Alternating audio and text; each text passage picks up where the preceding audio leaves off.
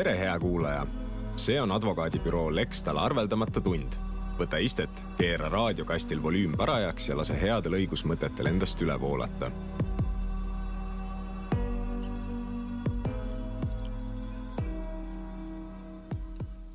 tervist ja tere kuulama arveldamata tunni saadet. minu nimi on Hando Sinisalu ja täna on stuudios külas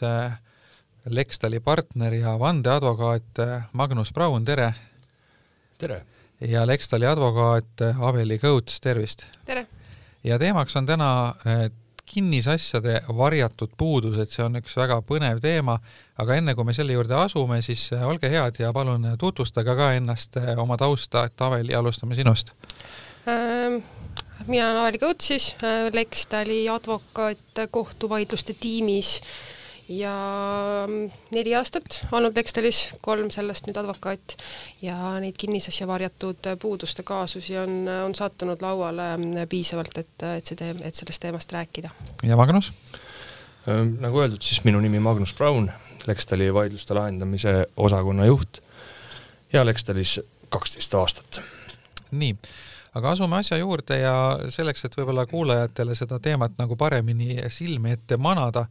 siis võtame ühe sellise hüpoteetilise näite, et oletame, et ma nüüd hakkan oma korterit müüma, olen seal juba aastaid sees elanud,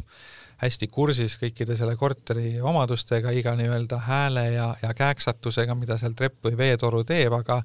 mulle noh, mõned asjad aastatega on ka selgeks saanud, et näiteks see, ikkagi see vannituba talvel väga sooja ei pea, et seal on ilmselt soojustusega mingi probleem. Ja siis äh, need ühelt poolt naabrid kipuvad nädalavahetusel kõvasti lärmi tegema ja tihti on äh, olnud vaja isegi äh, sekkuda, et, et nad vait jääks ja et minu pere magada saaks ja siis seal teisel naabril koer haugub kogu aeg ja siis ma ei ole päris kindel, kas need veetorud ikka, kui head need on, et ma kogu aeg hirmuga mõtlen, et ühel hetkel seal üks vana toru võib katki ka minna. ja nüüd äh, tuleb see ostja ja on äh, korteriga üldiselt rahul ja vaatab üle ja, ja ostab selle ära, et kas nüüd kõik need minu mured ja, ja teadmised, mis on tekkinud selle pika ajaga seal elades, kas ma peaks nagu kõik välja rääkima? No siin on, äh, sa tõstatasid tegelikult päris laiapõhjalise probleemi seal on eh, eri, eriastmelisi puudusi. seega üldistatud ja, ja selline lihtne vastus oleks, et mõlema poole huvi on see, et, et saaks võimalikult täpselt lepingusse kirja kõik puudused, mis sellel korteril siis olla võivad, nii mürarikkad naabrid, sinu kahtlused veetorude osas kui ka haukuv koer, eks ole. ja kui ma need kõik sinna kirja panen, siis ma saan kakskümmend protsenti vähem hinda, kui ma alguses tahtsin no see nende kirja panemata või avaldamata jätmisega riskid lihtsalt sellega, et ostja avastab need puudused hiljem niikuinii ja siis on tal võimalik esitada sinu vastu nõue. ja noh, siis kui ta selle nõude esitab, tavaliselt laseb siis, eks ole, kinnisvaraeksperdil ära hinnata, mis on selle korteri väärtus siis noh, nii-öelda neid puuduseid arvestades. Ja seejärel saad sellest vaidluse koos suure rahalise nõudega, nii et noh, mõistlikum on igal juhul äh, kõik ausalt ära rääkida. No jaa, aga mõned nendest asjadest on sellised subjektiivse iseloomuga, et noh, tõepoolest võib-olla mõni selline asi, mis, äh, mis noh, kindlasti välja tuleb, et äh, see on, see on iseasi, aga noh, see naabrikoer, ta võib ju vahepeal selle koera ära viia või võtta uue koera või, või, või, või kolmas naaber võib võtta hoopiski mingisuguse muu kodulooma, mis lärmi teeb, et no see, see on ju kogu aeg olukorras muutuv ja võib-olla mingile koerasõbrale see haukumine üldse nagu meeldibki, et äh, ei saagi magama jääda ilma, kui koer ei hauguks, et, et need hästi subjektiivsed asjad Nende subjektiivsete äh, probleemidega on, on see, et peab vaatama sellise Äh, keskmise mõistliku inimese vaatevinklist, et, et kui see müratase ikkagi äh, ei lase nädalavahetustel magada ja, ja on ette tulnud, et peab politsei kutsuma, siis ilmselt see ei ole selline tavapärane elurütmi juurde käiv nähtus. aga samas koera olemasolu ja koera mm, haukumine äh, vahepeal ilmselt ei ole midagi sellist, mis, mis oleks varjatud puuduseks, kui see ei lähe sellist ülepea kätte nii et, et nüüd selle, mis, mis, mis on sellised inimlikud või siis äh, naabritest äh, tekkinud võimalikud puudused, et seal nagu siis selline üks kriteerium võiks olla see, et kui on, on näiteks dokumenteeritud juhtumid, et ma olen korra rikkumise pärast pidanud politsei ühel või mitmel korral kutsuma, et seda on hiljem tagantjärgi võimalik ju tõestada. ja järelikult ikkagi asi on nii tõsine olnud, et ma olen pidanud politsei kutsuma, et siis selline, see on nüüd on asi, millest äh, kuidagimoodi kõrvale hiilida ei saa. ja noh, sellisel juhul oleks jah, tegemist sinu nii-öelda tahtliku varjamisega aga kui see on nagu selline subjektiivne, et noh, mingi naabri teismelisest laps mängib äh, muusikat liiga valjusti ja, ja tümakas kostab mulle tuppa, et see on asi, mida noh, ma võin ju alati öelda, et minu ajal seda ei olnud või, või laps kasvab teatud vanusest välja, enam ei mängi seda muusikat nii kõvasti, et need on sellised asjad, mis, mis on siis nii-öelda subjektiivsed. Jah, üldiselt kui see juba ennast äh, nii-öelda häirib, siis võib eeldada, et häirib ka ostjat, eks. et kui igapäevaselt kostub see muusika või igapäevaselt on selline äh, kõrgem müra, siis, siis võiks eeldada müüa, et see huvitab ka ostjat ja sellisel juhul peaks selle avaldama aga kui palju nagu praktikas lepingutes selliseid asju siis nagu on, et, et, et tõesti ostu-müügilepingus ongi kirjas, et naabri juurest kostab palju muusikat? no praktikas seda tuleb ikkagi harv, harva ette, et kõik eh, väga täpselt lepingusse kirja pannakse. aga oleks seda siis mõistlik, soovitate seda teha või? no mõistlik oleks soovitada, ma usun, et noh, mitmel juhul on eh, probleem ka nii ostja kui müüja, müüja teadmatuses või siis nad, nad eeldavad, et noh, kuna nad lähevad notari juurde seda lepingut sõlmima, et siis siis eh, on seal lepingus olemas kõik, mis, mis nende jaoks vajalik, eks. aga, aga pahatihti see siiski nii ei, ei saa aga nüüd äh, seesama teema, et naabrid on mürarikkad, et, et kas, kas siis on kinnisvaraeksperdil, kui nüüd see asi hiljem jõuabki mingisse vaidlusesse, kas siis kinnisvaraekspertidel on hinnakiri, et on vaiksed korterid ja mürarikkad korterid, et seal on nagu näha, et hinnavahe on, on olemas, et saaks hiljem seda kahju arvestada või kuidas selle kahju arvutamine siis käima hakkab? Seda selles mõttes, et müra saab hinnata, noh, müra, mürataset saab hinnata, eks ju, et normide järgi, normi, normide järgi, et kui see väljub sellisest tavapärast normist ja see on pärast äh, tuvastatav äh,, siis äh,, siis, siis saab seda hinna alandamise valemis kasutada.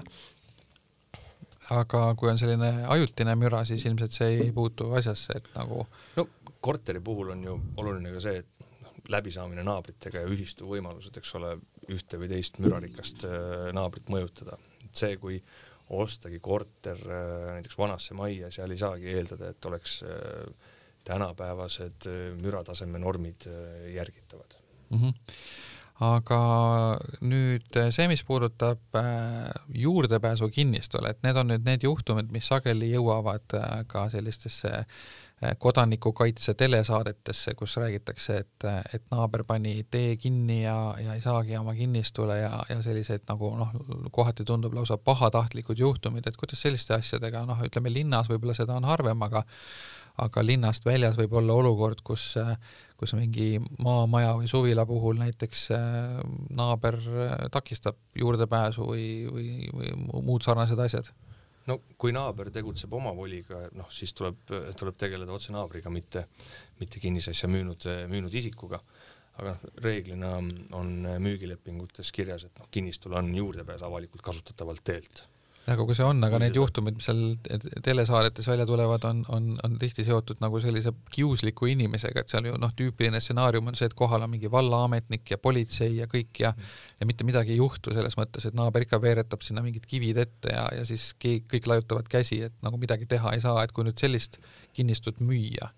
et kas siis peaks nagu kõik selle ka nagu üles kirjutama ja avaldama, et, et selline mul on üks jube kiuslik naaber, kes kogu aeg tõkestab juurdepääsu kinnistule täiesti alusetult. no see oleks mõistlik äh, avaldada küll, jah mm. -hmm ja jällegi siis äh, nii-öelda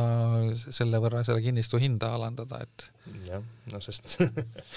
tuleb jah, ostjal tuleb ju pidevalt näha vaeva, eks ole, et sellise sõgedikuga tegeleda. Aga kui palju neid juhtumeid on, kus reaalselt nagu äh, ütleme, ma ei tea, kogu, kogu siis kinnistu ostu-müügitehingute arvust, kus hiljem neid varjatud puuduseid äh, kohtu kaudu sisse nõutakse? ma ausalt öeldes isegi statistiliselt ei, ei oska niimoodi öelda, aga aga need, need juhtumid, mis meie laualt läbi on käinud, äh, seal on äh, üsna palju ka selliseid, kus siis puuduliku ventilatsiooni või, või tuulutusavade puudumise tõttu näiteks on, on niiskusprobleem või on mingi majavamm ja, ja sellistel äh, puhkudel võib nende puuduste kõrvaldamise maksumus ulatuda näiteks kolmekümne või viiekümne protsendini selle, selle kinnisasja või noh, elamu, maja müügihinnast. ja noh, sellisel juhul, eks ole, on siis müüja on saanud küll kinnisasja eest raha, kuid peab sellest pool või, või kolmandiku ostjale tagasi andma. Aga milline see ostja vastutus on, et noh, et kui ma ise nüüd ostjana lähen midagi ostma, siis eh, noh, võiks ju ka eeldada, et ma ikkagi nagu kontrollin seda, seda objekti nagu piisava hoolikusega, et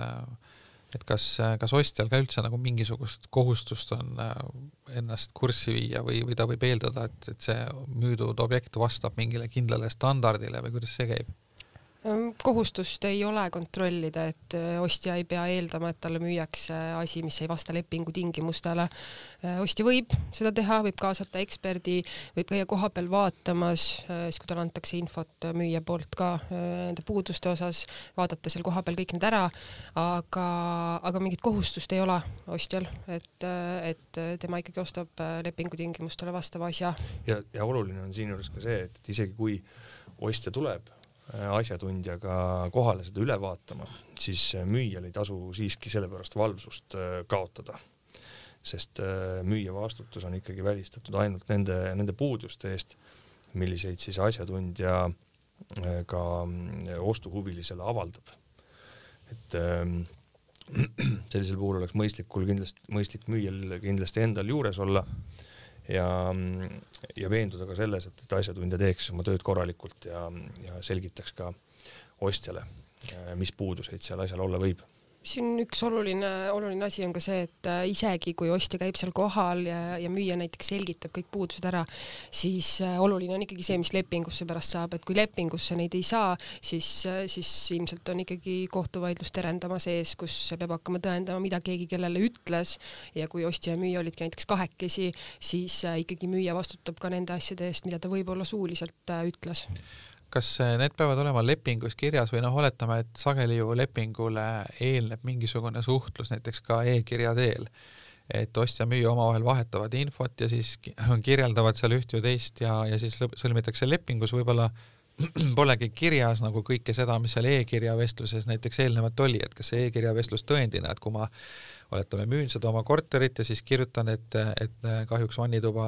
külmadel talvepäevadel väga soojaks ei lähe, aga siis hiljem lepingusse see sisse ei saa, kas see on nagu piisav Äh, info, informeerimine, et, et hiljem sellest nagu tüli ei tõuseks? põhimõtteliselt küll, kui lepingus ei ole vastupidist kokku lepitud, et, et lepingusse võib,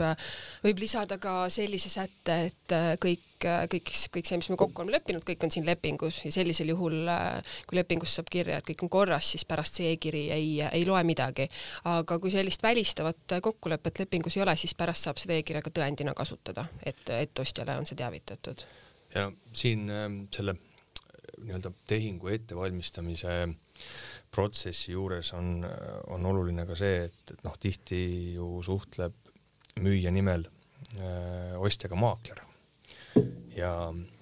ja siis tasub öö, tähelepanelik olla selle osas, mida maakler siis öö, ostjale avaldab. sest see vastutus või vastutus selle avaldust, nende avalduste eest kandub tegelikult müüjale üle aga müüja sageli ei ole ju kohal, selles mõttes, et võib olla niimoodi, et maakler nii-öelda hea müügiinimesena müüb minu korterit, kiidab selle taevani, mina ei tea, mis ta seal on kokku lubanud, et no sellisel juhul tuleb mängu see, mis kolleeg enne ütles, et tuleb, oleks mõistlik lepingus sätestada,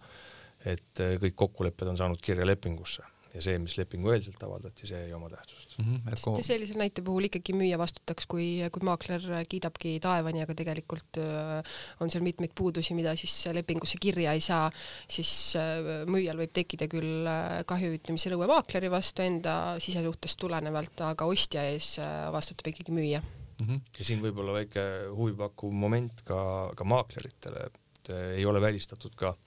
maakleri otsevastutus ostja ees kui maakler äh, ei räägi tõtt või jätab olulisi asjaolusid avaldamata. ostja võib teatud juhtudel nõuda kahju hüvitamist otse ka maaklerilt äh, milline on selle müügikuulutuse roll, et tihti on ju müügikuulutuses äh, noh, nii-öelda ilustatakse see objekt veelgi üles ja siis nagu kohapeal selgub üht kui teist ja siis äh, hiljem võib-olla kas, kas on võimalik näiteks tulla tagasi selle müügikuulutuse juurde ja öelda, et seal oli äh,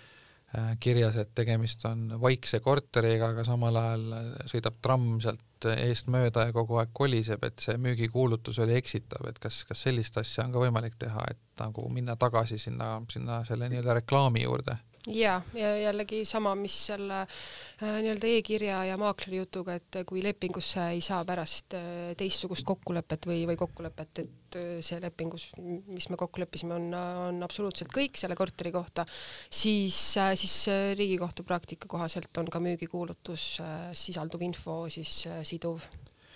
kas äh, ma mõtlen nüüd müüja seisukohast, et, et mis seal selliseid äh, mi, minu vastutust vähendavaid äh, nüansse üldse võiks olla, et näiteks kui ma ütlen, et aga tule ela nädal aega siin korteris ja siis sa kuuled need koera haukumised ja trammimürad ja kõik asjad ära ja siis, kui sa pärast seda ütled, et sinu arust see näiteks see müranivoo või noh, ma ei tea, ka talvel näiteks, kui on hästi külm aeg, veebruarikuus, kutsud kellegi korterisse, väljas on kakskümmend kraadi külma ja ta ütleb, et minu arust oli päris soe, et siis ta ei saa nagu hiljem öelda, et tal ei lähe talvel soojaks või midagi, et et kas selliseid noh, riskide maandavaid samme võib ka teha või on, on sellel üldse nagu mingit juriidilist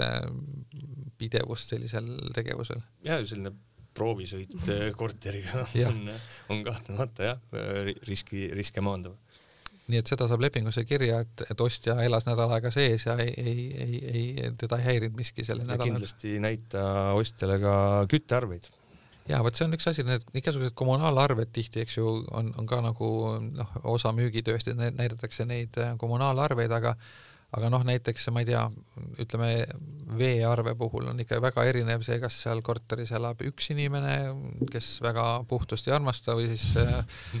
neljaliikmeline perekond, kes iga päev käib vannis ja, ja pesumasin töötab, et siis need ühendavad kordades erinevad, et et noh, kuidas nende kommunaalarvete tõestamisega on? no kui neid juba näidata, mm, siis oleks mõistlik äh, noh, jällegi panna ka kirja, et, et ostjale on neid näidatud, eks ole, noh nende kaudu peab ta olema teadlik nende küttekulude suurusest ja, ja kaude siis ka selle korteri või elamu soojapidavusest jah, äh, müüja vastutust välistab äh, see, kui ostja teadis äh, või, või pidi teadma siis sellest puudusest. näiteks kui tõesti näidatakse küttearveid, noh, mis on tõesti väga-väga kõrged, siis, siis on Riigikohtu seisukoht olnud, et, et ta peaks aru saama sellest, et talvel on arved suuremad, järelikult pole soojapidavus nii hea aa et, et, et kui mul on näiteks korteri soojapidavusega probleeme ja ma näitan äh, selliseid ebaloomulikult kõrgeid äh, küt-, küttearveid talvekuudel,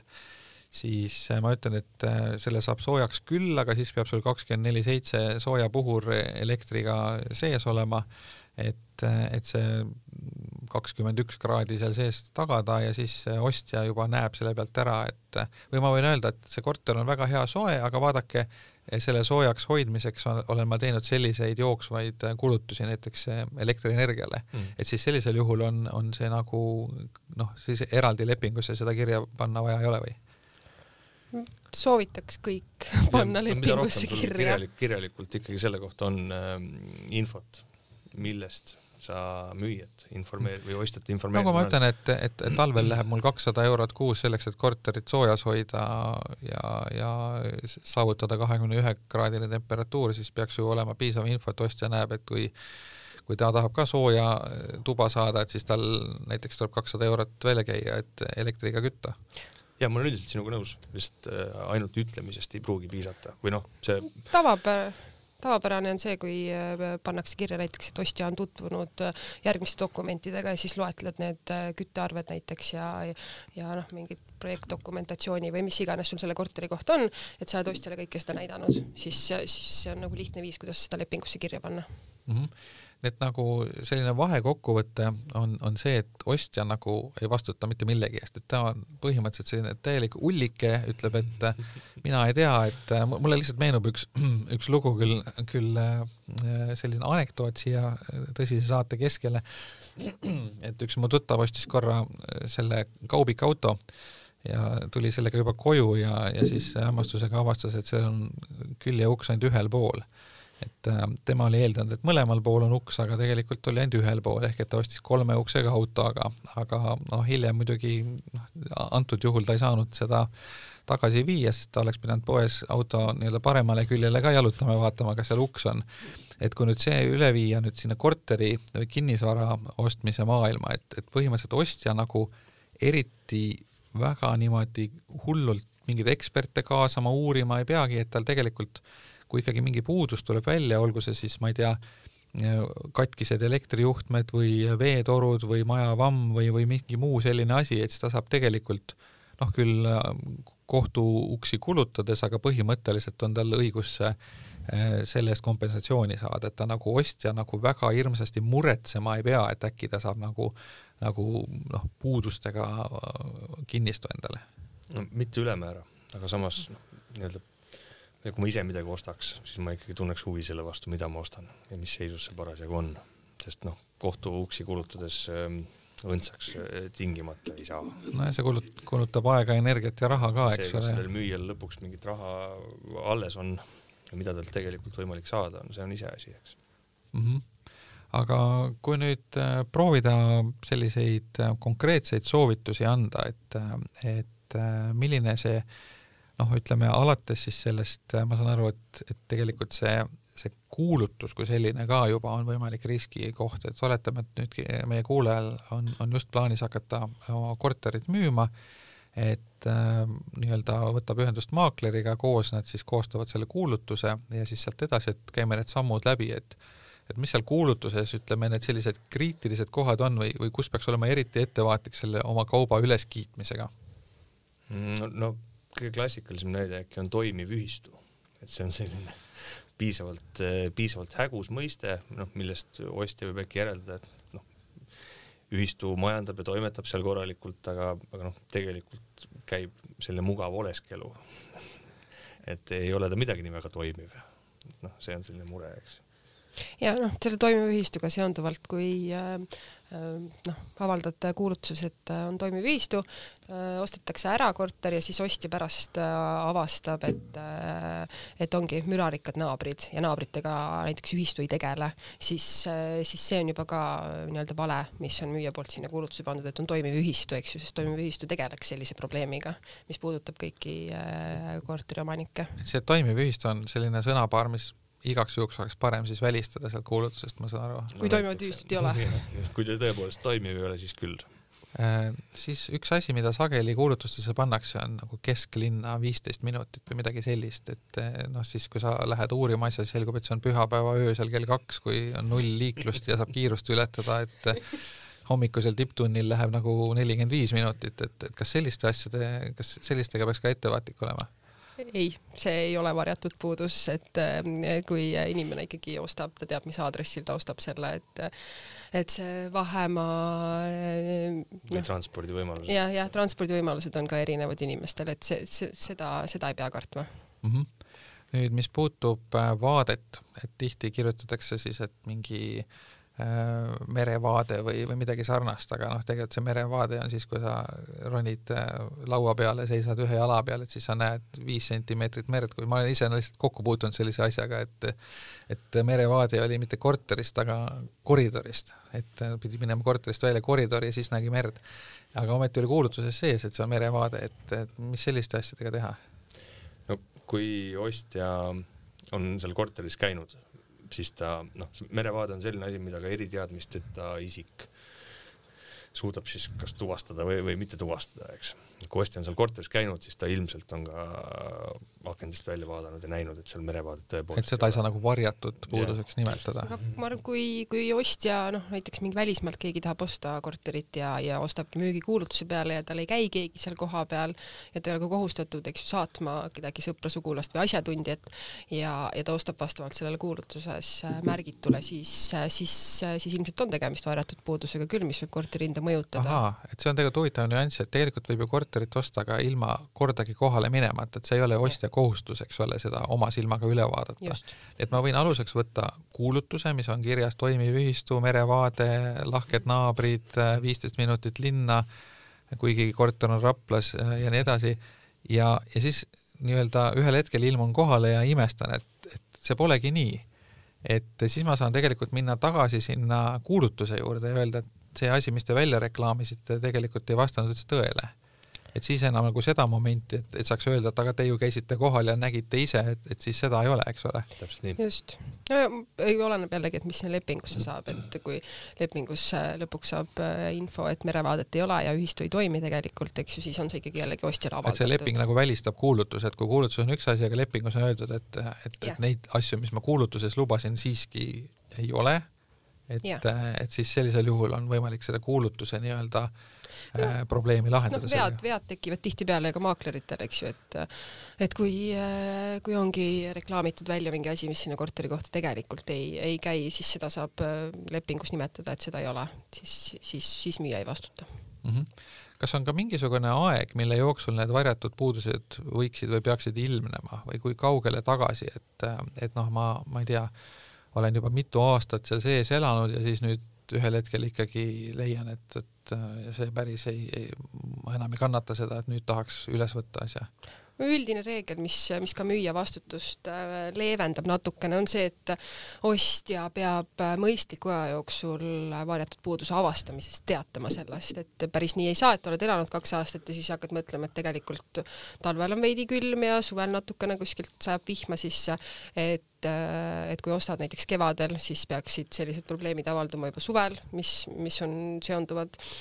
suve ilmastikuoludega ja, ja kui ostad sügisel, siis peaks talvel juba avalduma. Ja, ja kui need avalduvad, siis peab koheselt müüjat ka teavitama sellest, sest see koheselt on siis no mõistliku aja jooksul mingi nädalate jooksul selle, selle hulka,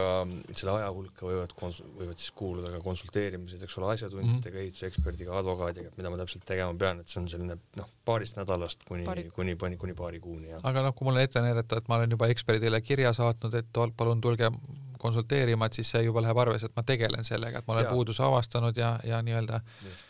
oluline, et, et suudaksid pärast näidata, et sa oled kogu aeg midagi teinud, eks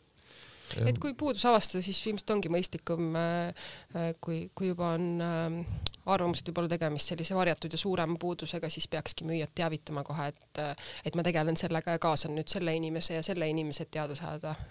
mis, mis täpselt, mis täpselt viga on. aga kui ma edasi, et kui selline olukord, et ma olen ostnud korteri näiteks ol, minu omanduses on ta olnud lühikest aega, müün edasi ja nüüd see siis juba kolmas järjekorras ostja avastab äh, probleeme, et kas see kolmas ostja peaks nüüd äh, siis selle teise ostja äh, suunas äh, pretensioonid esitama või omakorda kui see aeg, mil see nii-öelda vahe, vahepealne omanik on olnud, seal on piisavalt lühike, siis lähevad need nõuded edasi siis sellele esimesele algsele omanikule või kuidas see on, et võib ju juhtuda, et et noh, ka maaklerid tegelikult ju võivad korterit osta lühikeseks ajaks, et seda edasi müüa ja nii edasi, et seal on nagu tegelikult nagu seal ahelas on nagu mitu omanikku. antud näite puhul sinul on ikkagi leping siis nii-öelda selle, sinul esimese ostjana on leping teise ostjaga. ja teine ostja siis esitab nõuded ikkagi sulle. okei okay,, nii et, et siis, kui nüüd see vahepealne ostja saab nõude lõpliku ostja käest, siis ta saab omakorda need edasi lükata siis sellele, kelle käest tema ostis, et see ahel käib niimoodi. põhimõtteliselt see... on see võimalik, jah nii et tegelikult sellel nii-öelda lühikese, kui ma ostan mingi korteri lühikeseks ajaks, siis ma pean tegelikult arvestama sellega, et seal võivad olla veel täiendavad riskid ka, et et see lõplik ostja avastab seal mingeid probleeme ja, ja tegelikult äh, mina pean nendega siis tegelema. aga ostja, mis see ostja vastutus ikkagi siis on, et, et ma saan aru, et, et eriti nagu ei olegi, et, et et, et ta ei pea isegi kohale tulema vaatama, et, et kas, kas üldse on mingisugune hoolsus või selline tähelepanukohustus ostjal ka? no täpselt nii palju, kui, kui ostja otsustab seda noh, oma, oma võimalusi ja õigusi kasutada, eks selle asja ülevaatamiseks ja, ja asjatundja kaasamiseks, nagu me, nagu me varem rääkisime ilmselt ka see, et kui sa, kui, kui ostetakse noh, mingi vana kümme, kakskümmend, kolmkümmend aastat äh, tagasi ehitatud majas korter või siis uus, uusarenduses ehitatud korter, siis, siis vana korteri puhul peaks ostja juba ka möönma, et, et ei ole kõik nii nagu uue puhul, eks ju, et seal võivad olla mingid soojus, soojusprobleemid äh, fassaadis, äh, vundamendis, praod ja nii edasi. igivanad inimesed juhatuses. jah aa ah, jah, see, see, see ka veel. aga